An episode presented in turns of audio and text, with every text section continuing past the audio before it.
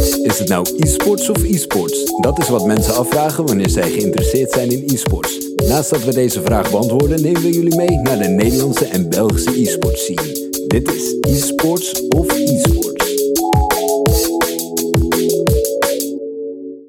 Hallo allemaal en leuk dat jullie weer luisteren naar een nieuwe aflevering van de eSports of eSports podcast. Mijn naam is Roby en vandaag heb ik iemand te gast die bekend staat als caster in verschillende games zoals CSGO en Rainbow Six Siege. Daarnaast werd ook bekend dat hij sinds deze maand werkzaam is bij Meta als caster en community manager. We hebben het dan over Tiadrik Oldersma. Tiadrik, stel jezelf eens voor. Goedemorgen, middag, maar net wanneer je het uh, natuurlijk kijkt. Ik ben Charlie Olsema, 27 jaar. Uh, voorheen een Fries, tegenwoordig woon ik niet meer in Friesland. Uh, ben nu vier jaar fulltime als caster geweest, gewoon als ZZP'er. Daarvoor natuurlijk ook al een beetje bezig geweest, een beetje aanklooien noemen ze dat. en tegenwoordig inderdaad dus in fulltime functie bij Meta. Ja, je, je zegt, je woonde vroeger in Friesland. Waar woon je nu? En zitten er ook echt verschillen in? Het Friese leven en het leven waar je nu woont? Nou, ik woon nu in Kampen. En wat ik dus eerst niet helemaal wist, maar me later pas is verteld, is dat Kampen tegenwoordig weer een eiland is. Terwijl gewoon eigenlijk midden in Nederland zit. een eiland? Uh, dus heel veel mensen die zeiden, oh, tja, ik ben vet blij dat je nu naar de bewoonde wereld gaat, niet meer in Friesland. En zeg ik, ja, maar nu woon ik op een eiland, dus is dat nou echt zoveel anders? Uh, maar ja, het is hier, ja, qua leven, er wordt wat minder Fries gesproken en dat is het nou zo'n beetje. Het is gewoon Nederland, dus dat scheelt. Uh, nee, precies. Ja, mooi om te horen dat het niet zo'n grote cultuurverschil zal zijn geweest dan.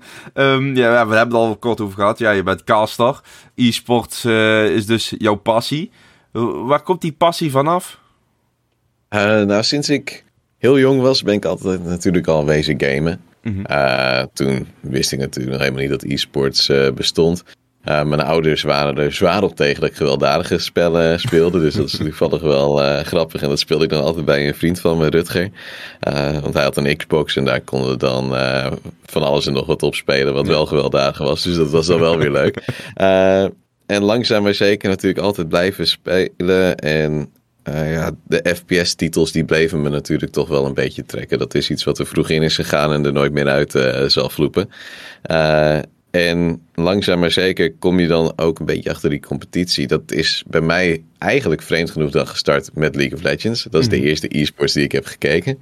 Uh, maar daarna begin je steeds meer te kijken. En toen kwam ik Counter-Strike tegen. En toen dacht ik, ja, maar dat is toch wel weer die FPS-title die Precies. ik zocht.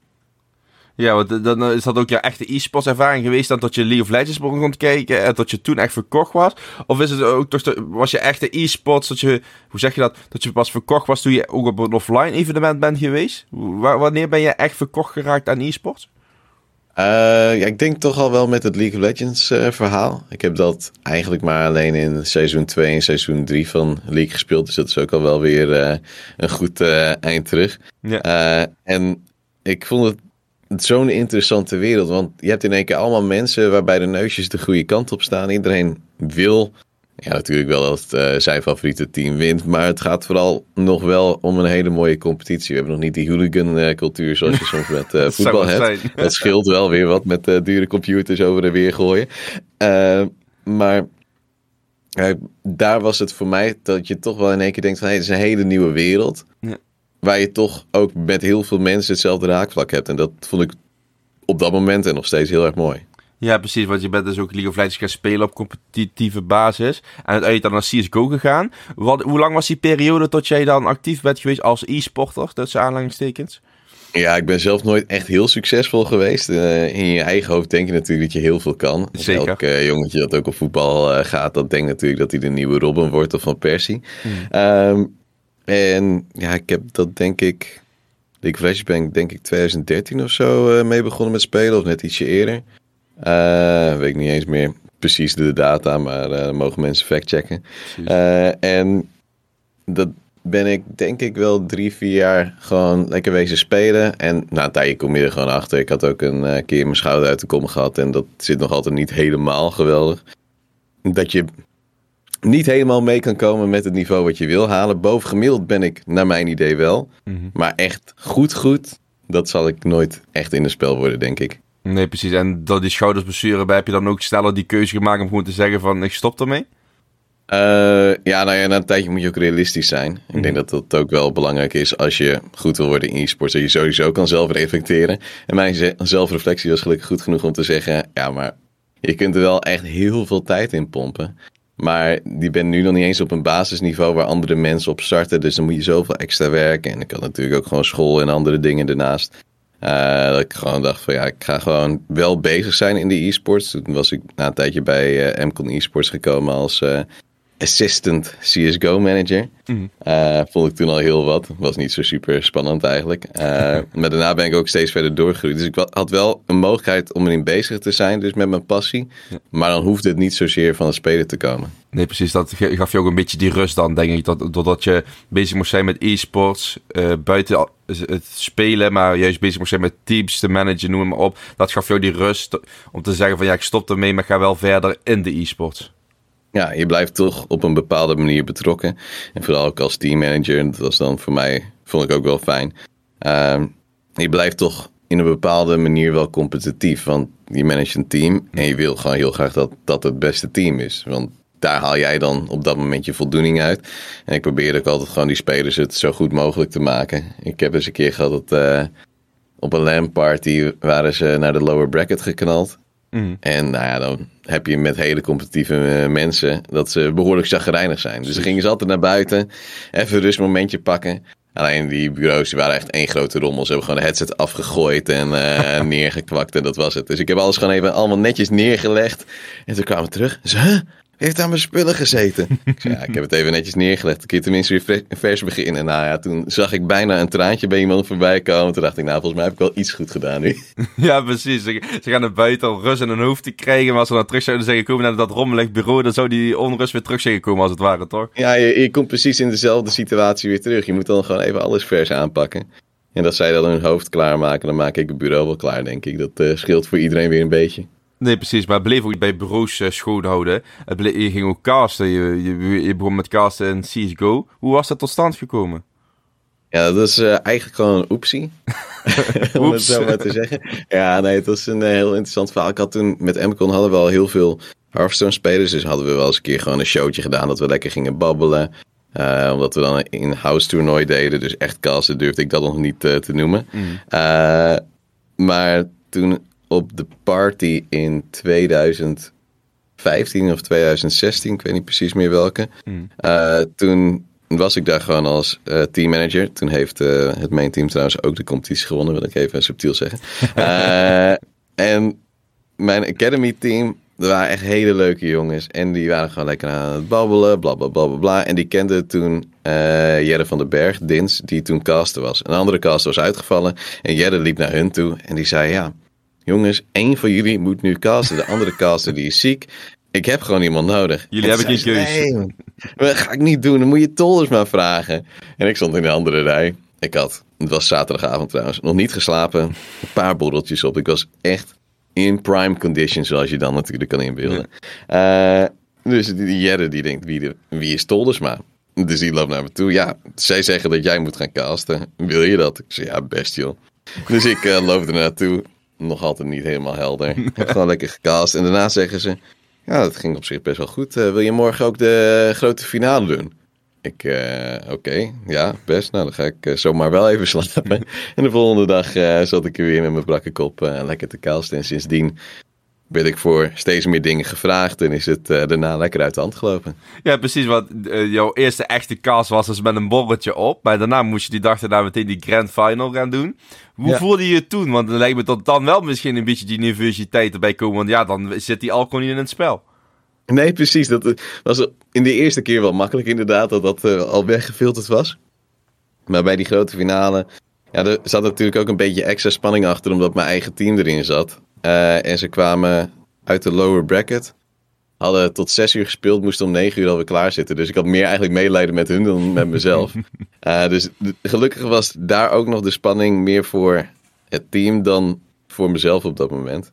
Dus ja, ik heb gewoon lekker gebabbeld. Voor mij zat er ook verder geen druk achter. Want het was gewoon, je wordt erin getrokken, je doet wat en uh, daarna ben je weer weg. Ik had er nog niet echt verwacht dat het een lange termijn uh, ding zou worden. Uh, dus ja, ik ben er eigenlijk toen heel relaxed in gegaan. En ja, daarna steeds vaker dan weer teruggevraagd. Gewoon een kwestie van doen. En gewoon niet nadenken, maar doen komt het gewoon op neer. Ja, precies. Het, er waren andere dingen waar mijn hoofd al druk mee bezig was. Dus dan eh, kun je andere dingen ook makkelijk weer afstoten. Nee, precies. En je benoemde dat je in die in-house dingetjes met Hearthstone al een beetje decast, maar niet echt caster was.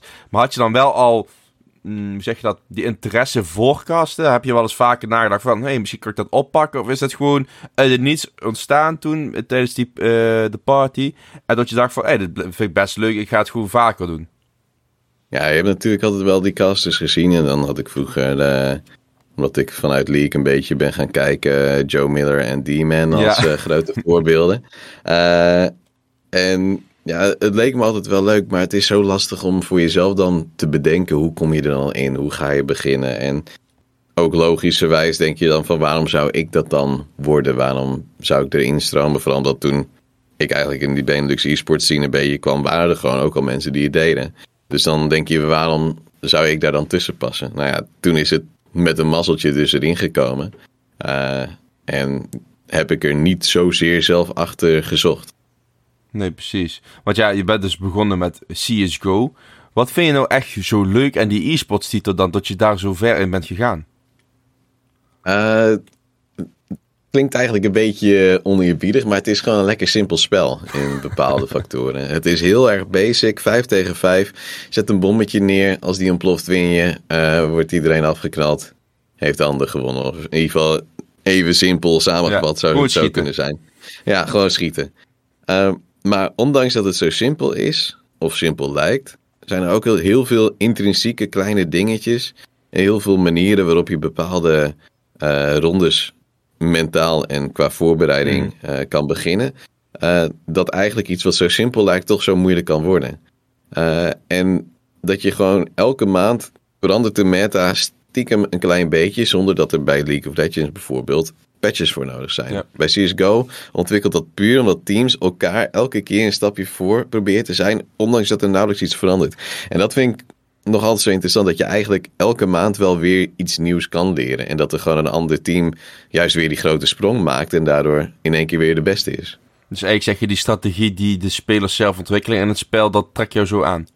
Ja, ja dat maakt het voor mij een uh, ja, hele speciale dynamische omgeving waar je eigenlijk nooit precies weet wat je kan verwachten, tenzij je met de scrims mee zou kijken. Ja, precies. En als je dan kijkt naar uh, wereldwijd, heb je ook een team waar je echt fan van bent of die je volgt? Of ben je gewoon een, een liefhebber van de competities die er zijn? Oeh, dat is wel lastig, hè?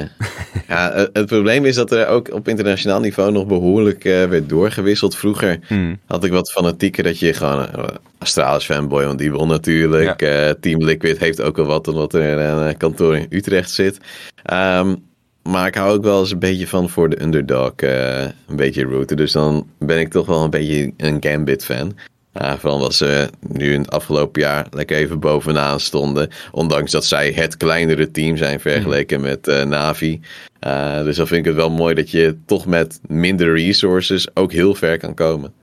Ja, precies. En dan, ja, we hadden het net al over dat simpele spel, uh, waar toch wel strategie bij kon kijken. Maar je bent ook uiteindelijk Rainbow Six Siege gaan casten. En dat is weer een compleet ander spel. Ik zou eerder zeggen een lastig spel, aangezien je zoveel dingen kunt doen in één zo'n ronde. Um, hoe, hoe ben je daar dan weer terechtgekomen? Want dat is eigenlijk compleet iets anders, toch? Ja, nou ja, dat is een beetje mijn carrière. Ook dat was een oepsie. ik had... Uh een bepaald toernooi gecast vanuit de ISL Benelux studio. Mm En ISL Benelux was toen ook nog de partner van uh, Ubisoft voor Rainbow Six shows. En de producent die had gehoord, ja, we hebben nog een uh, cast nodig voor uh, volgende week zaterdag. En toen dacht ik, nou ja, ik heb net met deze gast de show gedaan. Op zich had hij wel een leuke babbel. ik stuur hem gewoon wel even door. Dus ik werd in één keer gebeld van, hey, kun je zaterdag komen casten weer in Haarlem? Ik zei, oké, okay, uh, Counter-Strike? Nee, nee, Rainbow Six. Um, ik heb dat spel denk ik twee rondes in de beta gespeeld, omdat ik toen eens een keer een showmatch deed. Um, en verder niet. En ik heb deze week tentamens, dus verwacht niet dat ik me heel goed kan voorbereiden. Zij zei, ah, maakt niet uit joh. Gewoon lekker babbelen, gewoon leuk doen.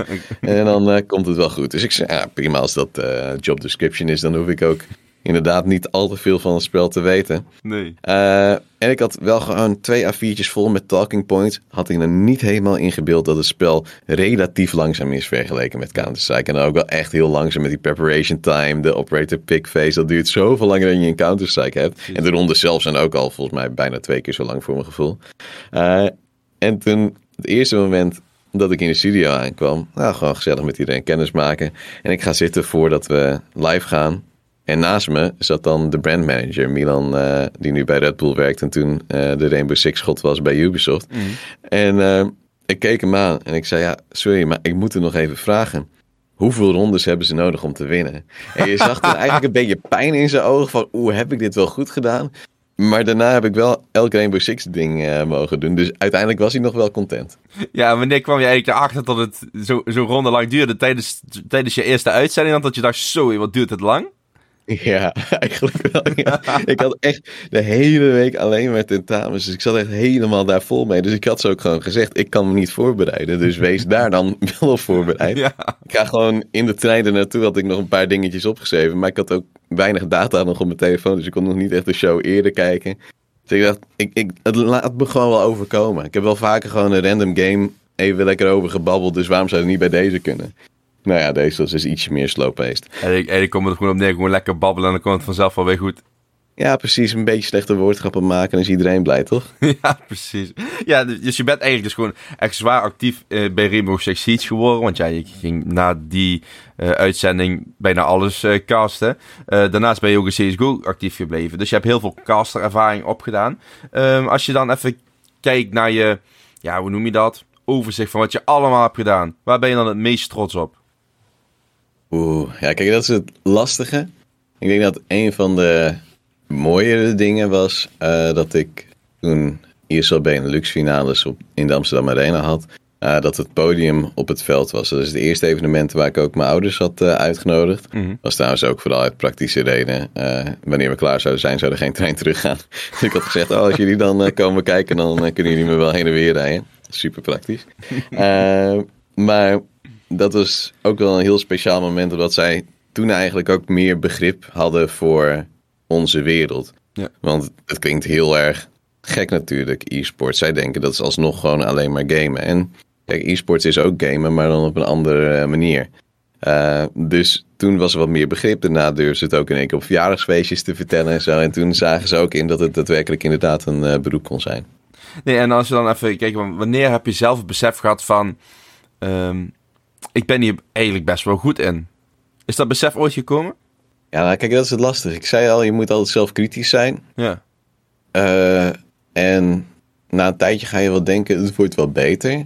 Maar omdat ik niet internationaal ben doorgebroken, ben je dan echt goed? Vraag ik me altijd af. Kijk, voor lokaal niveau durf ik met uh, gepaste zelfvertrouwen te zeggen van, nou ja, ik ben waarschijnlijk wel de beste, anders had ik niet in deze positie zo lang gezeten. Ja. Um, en ik heb ook wel mensen getraind. Ik heb mensen een beetje opgeleid in het casten en altijd geholpen. Um, maar ik vind het moeilijk om te zeggen dat je echt goed bent. Want zelfs ik maak tijdens de show nog weet ik hoeveel fouten. En daar kijk ik mezelf dan altijd wel op aan. Nee, precies. En je benoemt zelf van, ik ben niet internationaal doorgebroken. Als we dan eens daarop induiken. Waar kan het volgens jou aan liggen dat je niet internationaal bent doorgebroken dan? Ja, dat is een beetje lastig altijd. Hetzelfde als je muzikant bent. Je moet een netwerk hebben dat je toevallig even op het goede moment helpt. Uh, er moet net een gaatje zijn in een bepaalde uh, tournament organizer die zegt van ja, nou weet je wat, we hebben nog een nieuwe persoon nodig. Haal die er dan maar bij. En ik heb ook wel wat internationale dingen gedaan, maar het is niet zo consistent dat je daar specifiek van kon leven. Ja. Uh, maar ik ben zeker niet ontevreden over uh, wat ik heb mogen meemaken. Nee, precies. Dus eigenlijk uh, wat je zegt van... ik heb alle kansen gegrepen die ik heb gekregen. En ik voor mezelf heb mijn best gedaan om dat te proberen. Maar je, je, er spelen ook andere factoren in het spel waar je geen invloed op kunt hebben. Daar komt een beetje op neer dan. Ja, het, het probleem is dat het ook in zo'n wereldje heel erg politiek is natuurlijk. Ja. En wat je ook wel vaak ziet, dat bij heel veel toernooien altijd dezelfde groepjes zijn. En dat zijn gewoon uh, protectionistische groepjes. Die houden hun eigen uh, vriendjes erbij. En proberen daarmee dus ook te zorgen van, oh, als jij wordt gevraagd, trek mij er dan ook bij. En zo werkt dat heel logisch. Zo heb ik ook wel eens een keer wat excess gekregen, omdat ik uh, bij één toernooi in één keer goede vriendjes met iemand ben geworden. Uh, maar daar moet je het ook deels van hebben. En natuurlijk kun je jezelf ook met heel veel werk en jezelf in de picture spelen veel voor elkaar krijgen. Maar ik heb voor mezelf ook een bepaald moment gehad. Dan was er, als je dat zou willen doen, dus echt voor die exposure werken, dan kreeg je ook echt bijna alleen maar exposure of 5 euro per map. Heb ik voor mezelf gezegd, Kijk, je kunt dat blijven doen om te jagen voor die internationale droom. Mhm. Maar ik had lokaal al genoeg succes om ervan te kunnen leven. Ik ga mezelf niet kapot werken en daarmee eigenlijk mentaal misschien een beetje blokken voor de lange termijn. Uh, om ja, 5 euro per map te verdienen. Dus eigenlijk per uur en uh, hopen dat er ooit wat gebeurt. Kan ik beter gewoon focussen op wat ik nu heb. En zorgen dat dat uh, zo goed mogelijk ontwikkelt. Ja, precies. Dat is eigenlijk ook wel een dat, is, dat komt weer terug op dat zelfkritische eh, zijn, toch? Van uh, als ik er nu van kan leven, waarom zou ik me al die hel op mijn hoofd halen en mezelf uiteindelijk in een positie brengen waar ik me niet fijn voel? Dus eigenlijk nee, ben je wel goed zelfkritisch eigenlijk in elke situatie waar je in terecht komt. Ja, nou, ik probeer altijd gewoon heel rationeel over dat soort dingen te denken. En vooral met deze casus is het, je hebt al zoveel dat mensen, ook van onze generatie, vaak zeggen dat er een burn-out om de hoek ligt. Mm. En dat er ook genoeg zijn die het al hebben. Uh, ik denk dat als ik echt zo maximaal was gaan jagen, elk klusje wat ik kon pakken, had gepakt, dan was het ook gewoon niet leuk geweest. Ik heb ook gewoon een hele leuke vriendin, die wil ik ook wel uh, tijd gunnen. Uh, dus dan is het ook belangrijk dat je daarin ook je privéleven uh, meedenkt. Ja, dat, dat herken ik nu heel erg inderdaad ook. Ik heb ook zelf een hele lieve vriendin.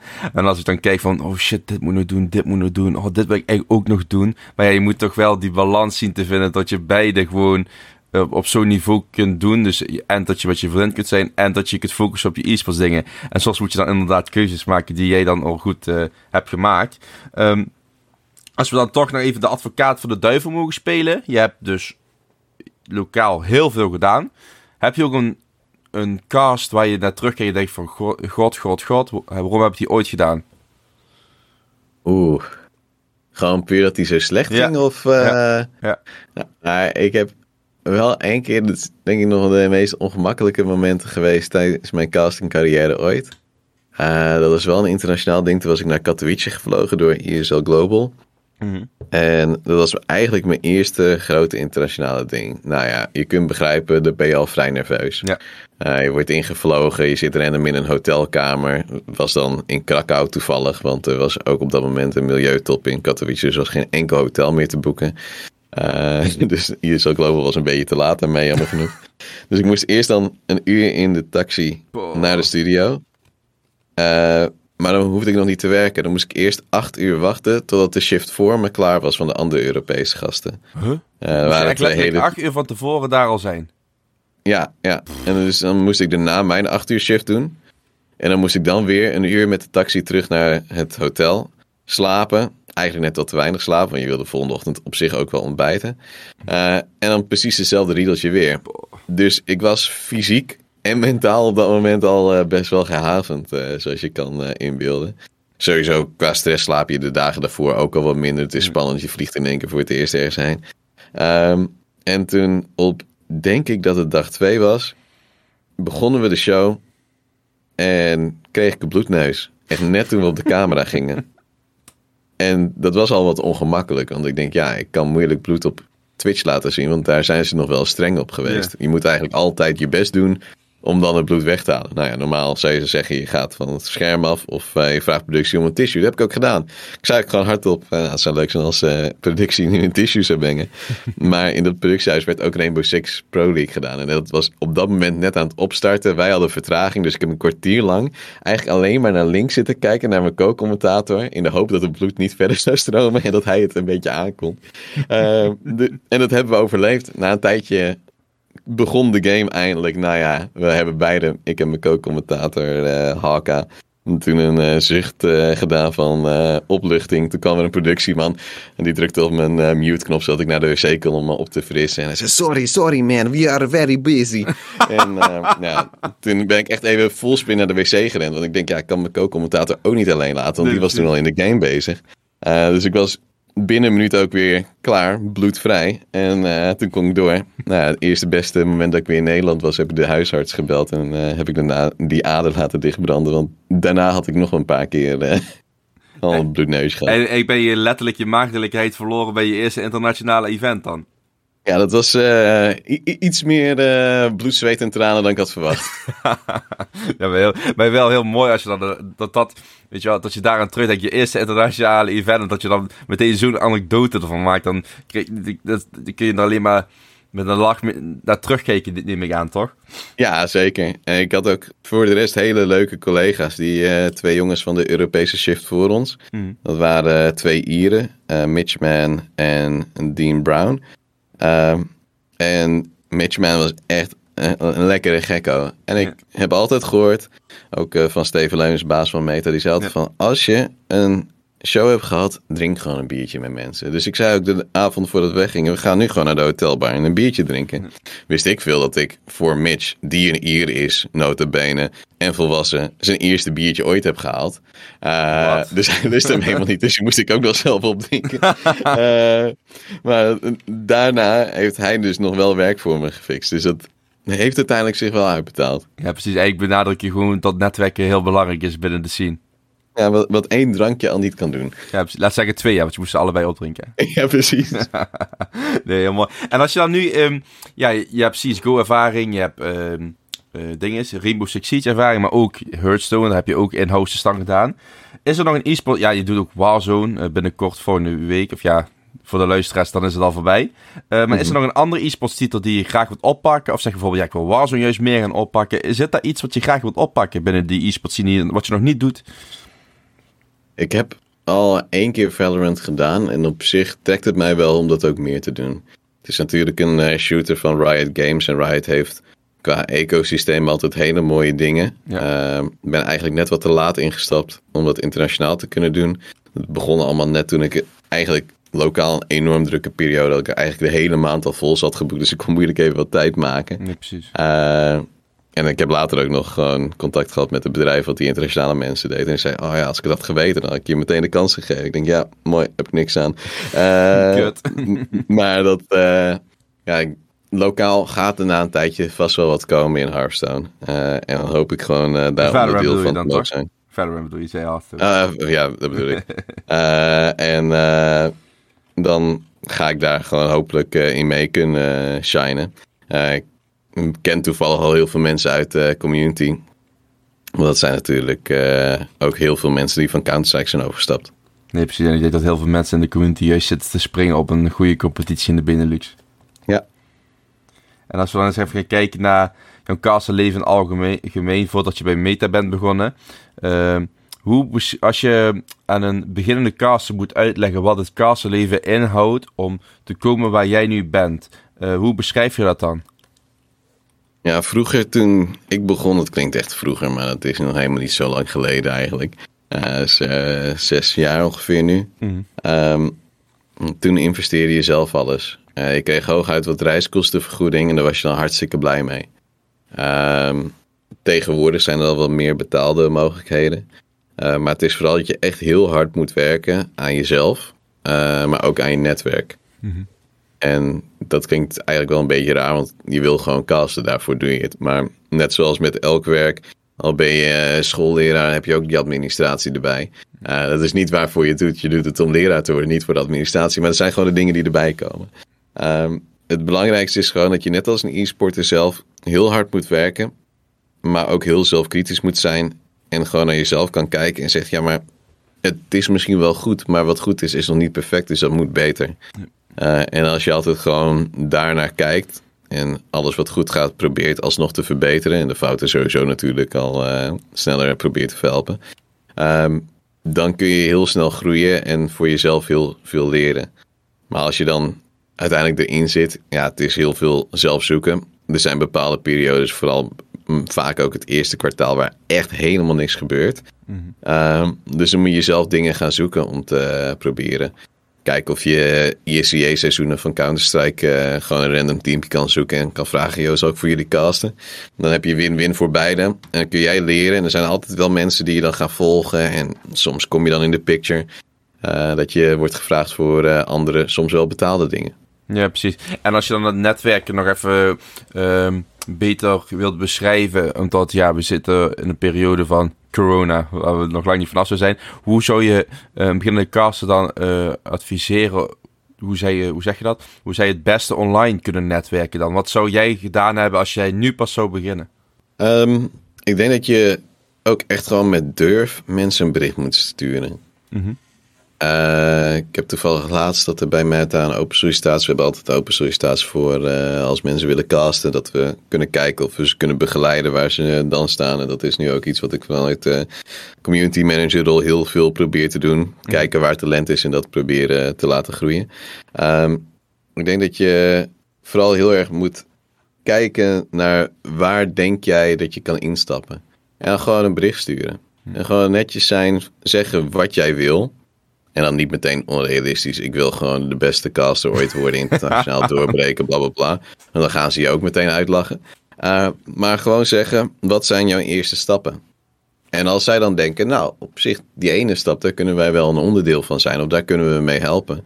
Uh, of wij hebben misschien wel een klusje waar we niet onze top tier casters op willen zetten, maar juist iemand willen gaan trialen. Dan kun je daar een mogelijkheid uit hebben.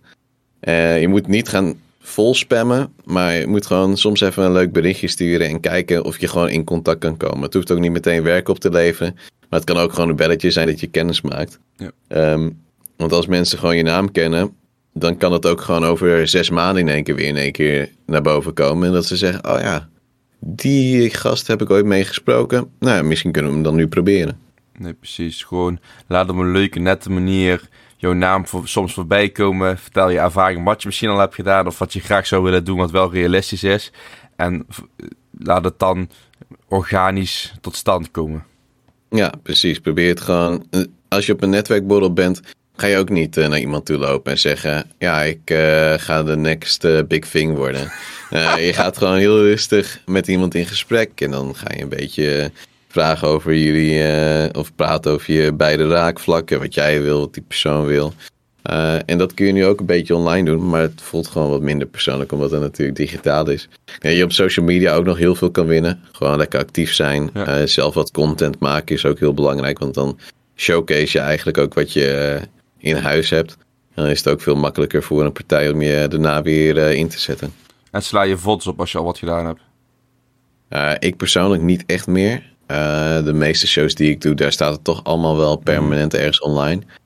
Uh, maar kijk, als je beginnend bent en je wil vooral ook internationaal dingen doen, maar ook lokaal als je er nog niet in zit, is het heel belangrijk om een showreel te hebben. Dus dat je daar verschillende aspecten van jouw uh, reach laat zien. Dus wat ik persoonlijk altijd zeg, begin met een opening scène dat je voor de camera iets uh, zit te zeggen. Want het is ook heel belangrijk hoe je naar de camera kijkt, hoe je mhm. beweegt. Ja. Uh, daar zijn bepaalde partijen altijd heel kritisch op. Uh, dan dat je in een game springt, hoe je daar dan begint. Dan eigenlijk een hype moment, eigenlijk een analytisch moment. En dan ook kijken hoe je het kan afsluiten. Um, als je al die verschillende delen er een beetje in hebt, natuurlijk ook een beetje interactie met de co-commentator, is ook wel fijn om erbij te hebben je gewoon daarmee een mooie samenvatting hebt van wat jouw stijl is, dan kan er ook veel beter gekeken worden naar hoe je eigenlijk zou matchen met een andere al bestaande commentator. Nee, precies. Ik denk dat het ook een hele goede tip is waar sommige casters nog steeds niet bij stilstaan, die misschien wel al langer actief zijn. Um, maar we hebben net een, eigenlijk de rode draad door het verhaal tot nu toe zijn vaak dat er opties voorbij komen. Um, Was uh, het ook een optie dat je sinds deze maand begonnen bent bij Meta als fulltime caster en community manager?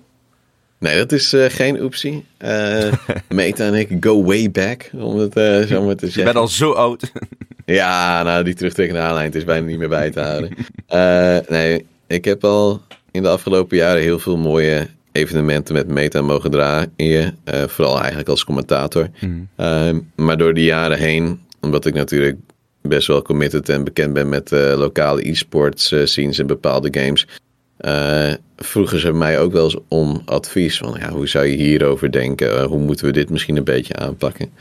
Uh, en ik kende, omdat ik vrij vroeg in hun bestaan ook wel erin ben gerold, de bazen een beetje. Ja.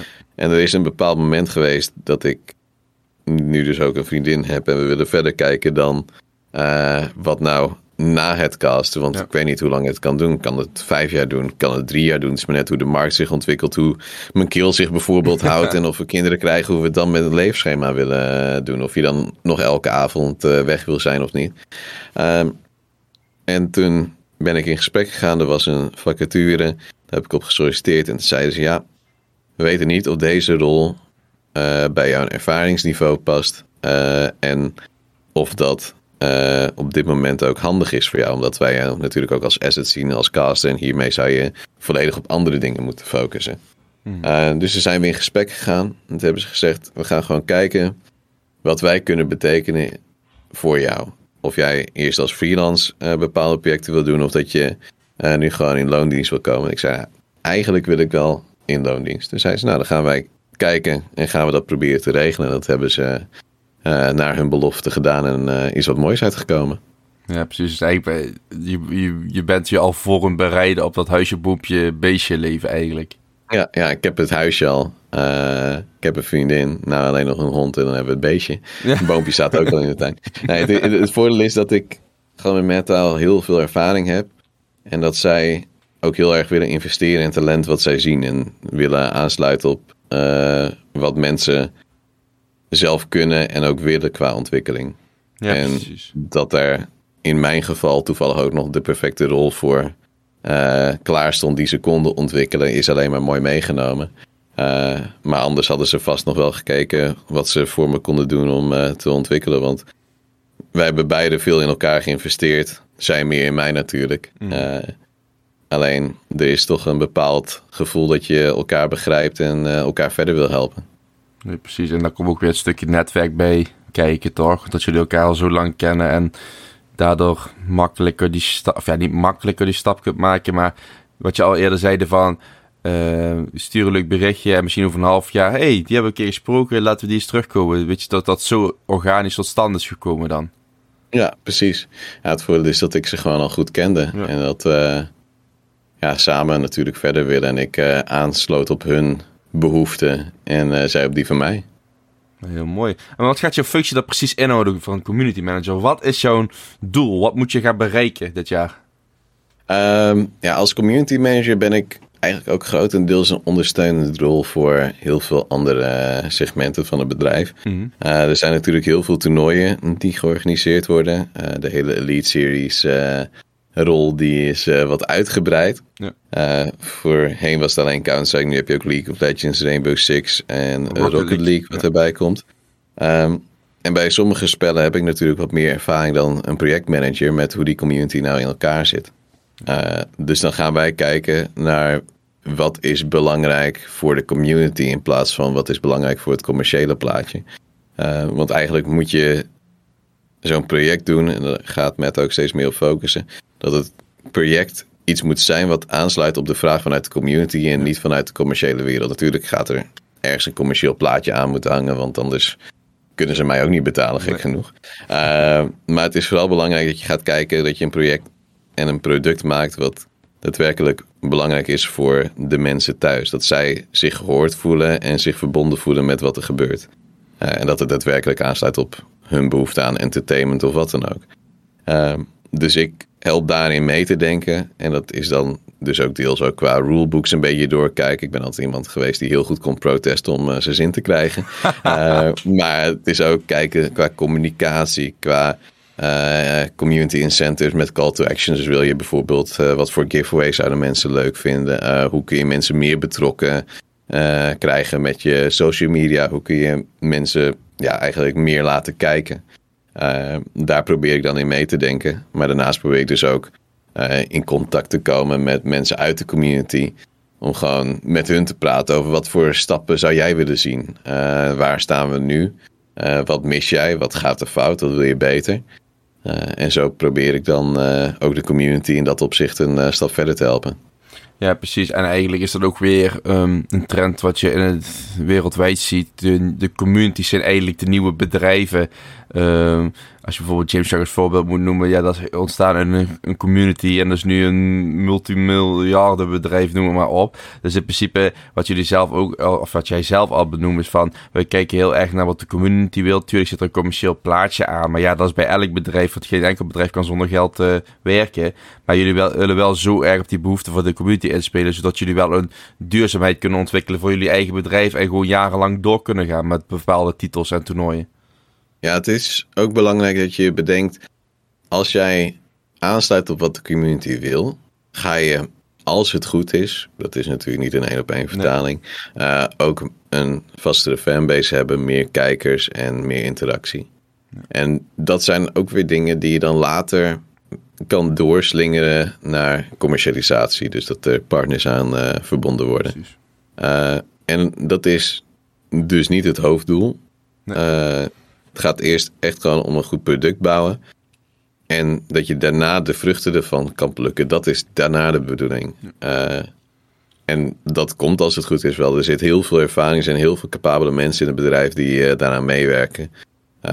Dus ik heb er ook volle vertrouwen in dat het zo allemaal mooi gaat worden. En nou ja, met die Elite Series heb ik ook echt het gevoel dat er op heel veel verschillende vlakken en verschillende games mooie dingen worden neergezet. Nee, precies, want eh, je benoemt het zelf al de Elite-series. Uh, je bent naast community mensen ga je ook gewoon nog casten. En je gaat de Elite-serie CSGO casten. Was deze competitie denk je nodig voor de CSGO-community? Zeker. Kijk, het lastige was dat met Counter-Strike... Het is een hele oude titel. Mm uh, dus de wow factor voor heel veel nieuwe spelers is er een beetje af. En je zit met een hele vaste, hechte community. Je hebt wat minder aanwas dan dat je bijvoorbeeld bij een Valorant of soms nog een Rocket League en dat soort dingen zou hebben. Um, daarom werd er toch ook wel weer wat minder georganiseerd. En vooral met corona erbij uh, waren eigenlijk alle LAN-parties die cruciaal zijn voor de levensvatbaarheid van de Counter-Strike scene mm. eigenlijk weggevallen. Uh, dus dat daar afgelopen jaar het eerste seizoen van de Elite Series bij kwam, uh, was echt heel belangrijk om heel veel spelers er ook nog in te houden. En met name ook de organisaties. Want ja, als er geen lands, geen exposure, als je alleen maar online leagues hebt, hoe voelt dat dan om dat te vertalen naar je partners? Dat je dat nog kan verkopen, dat je geld moet geven aan de spelers voor bepaalde dingen. Uh, en ja, nu heb je dus een tweede seizoen en dan laat je dus ook zien, het is daadwerkelijk voor de langere termijn ook vatbaar. Dus dat is voor de organisaties belangrijk. Uh, die komen ook als ze bijvoorbeeld N-League en Counter-Strike hebben in een bepaald ecosysteem terecht, wat voor hun ook makkelijker is om mee te werken. Um, maar het is voor de Counter-Strike mensen toch een prijzenpot waar je lokaal verbonden kan blijven, maar dus ook nieuwe spelers een kans kan geven. Bij KRC Genk bijvoorbeeld zijn nu uh, meerdere jongens onder de 18 die gaan meespelen. Dat zijn eigenlijk de nieuwe generatie die anderzijds meteen internationaal ergens wat gaan proberen. Maar als je internationaal erin springt, is de kans om te excelleren heel klein. Als je lokaal eerst kan groeien, kun je mooi laten zien wat je in huis hebt. Precies, en je hebt een MCON, verleden. Ben je ook blij dat MCON toch is ingestapt? Ja, het is altijd leuk. Ik uh, krijg nog wel eens een appje van uh, Ruben en ik stuur uh, ook wel eens eentje naar hem terug. vooral als ik dan weer een prediction tegen MCON heb gedaan. Dan zegt hij, wat is dit nou? En dan wint MCON toch. Zeg ja, maar het is gewoon de castercurse. Ik heb het gewoon gejinxed voor je, zodat het goed is gekomen. En zegt hij, ja, toch nog wel een beetje oranje bloed. ja, en hij blijft er altijd in, omdat zij ook heel belangrijk zijn in ja, eigenlijk mijn origin story als mhm. caster en natuurlijk in de e-sports uh, scene. Uh, en ja, daar ben je natuurlijk altijd nog wel dankbaar voor. Nee, precies. En dan even nog even naar de competitie in zijn algemeenheid kijken. Er doen zes teams mee. Vind je dan een perfect aantal? Of had je bijvoorbeeld liever acht gezien, net zoals bij de League of Legends uh, Elite Series? Um, ja, kijk, het lastige is dat daar een beetje een trade-off voor zit. Mm -hmm. Bij Counter-Strike zouden we wel voor acht kunnen gaan. Mm -hmm. um, maar dan denk ik dat je hier en daar toch ook wel een kwaliteitsniveau misschien zou kunnen gaan krijgen. Ik durf niet met zekerheid te zeggen. Nee. Uh, vooral omdat ik dan ook wel eens kijk naar bijvoorbeeld wat er bij ISL Benelux gebeurt. Dat alle acht teams hetzelfde niveau, of in ieder geval een hoog niveau kunnen halen. En hmm. natuurlijk, iedereen heeft wel een niveau, maar ik denk dat er een, bij acht teams misschien net iets te groot verschil zou zijn. En je hiermee eigenlijk voor jezelf een bepaalde standaard hanteert en waarborgt. waarmee je dus ook een spannender seizoen zal krijgen. Nee, precies. Je zegt, of ja, je zegt eigenlijk, het komt eigenlijk op neer dat we niet zeker weten dat er genoeg uh, competitief talent is om dat niveau aan te tikken wat jullie naar voren willen brengen. En daarom is de zes teams een safe bet als het ware. Ja, het is uh, vooral, we blijven natuurlijk altijd kijken. En als er uitgebreid kan worden, dan zal er worden uitgebreid. Ja, precies. Uh, maar je moet ook bedenken dat door het gebrek aan die lans en sowieso uh, de welwillendheid van spelers om van teams te wisselen door de seizoen heen, uh, het lastig is om acht vaste rosters te houden. Mm die ook echt goed zijn. En ja, daarom moet er dan gekozen worden uiteindelijk. Uh, om dan maar wat minder te doen. Maar er wel voor te zorgen dat je echt een hele sterke competitie hebt. En ik denk dat dat voor de spelers ook belangrijk is. Want als je tegen een team speelt wat niet zo goed is, ja, dan heb je de wet van de remmende voorsprong. Zij kunnen leren, maar jij eigenlijk niet. Nee. Uh, terwijl als je zes aan elkaar gewaagde teams hebt, het niveau hoog genoeg zal zijn dat iedereen daar in principe wat van zou kunnen opsteken. Nee, precies. Heel mooi uitgelegd. En als we dan gewoon eens kijken naar de toekomst. Wat wil je zelf nog van kwaliteiten ontwikkelen? Want je houdt je nu bezig met het community management. Je, je doet al casten al jaren. Is er nog iets van een kwaliteit die je wilt ontwikkelen in de e-sport zien? Ja, ik denk dat ik, weet Meta ook natuurlijk, uh, dat ik heel erg gewoon wil kijken wat voor verschillende eh, rollen, banen zouden bij mij passen. Mhm. Als community manager kun je lekker breed. Uh, het adviseren vind ik ook heel leuk. Mm -hmm. uh, en gaandeweg ga ik gewoon bij verschillende projecten misschien wel eens een keertje meegluren. Hoe werkt dit? Hoe werkt dat? Hoe zou ik daar iets in kunnen betekenen? want ja, ik heb verder na mijn middelbare school wel vervolgopleiding gedaan, maar geen diploma gehad. Mm dus daarin was dit voor mij ook een belangrijke stap om voor de lange termijn te ontdekken en te groeien in mijn eigen professionele basis naast het casten. Ehm, dus ik ben heel blij dat ik nu bij een bedrijf zit dat ook de moeite en tijd en kosten op zich neemt om dat uh, ja, eigenlijk te faciliteren. Ja. Ehm, en ja, ik ga gewoon sowieso als community manager heel erg mezelf verbeteren. Er zijn genoeg uh, plekken waar, stel dat ik ooit eens een keer bij Meta weg zou willen gaan, um, daarmee ook gewoon aan de bak kan in de gamingwereld. Hoeft niet per se e-sports te zijn. Uh, en in de tussentijd ga ik gewoon een beetje kijken wat past er nog meer bij mij. Dat moet ik eigenlijk nog een beetje voor mezelf gaan ontdekken. Ja, precies. Je, je hebt niet echt uh, een expertise gestudeerd eigenlijk, kom het goed op neer. En je weet, je, je weet dat je een passie hebt voor e-sports en voor casten. Maar je, je bent nu eigenlijk gewoon op een soort van zoektocht. Welke andere kwaliteiten, expertises je graag nog wilt leren. En daar je carrière op wilt voortborduren.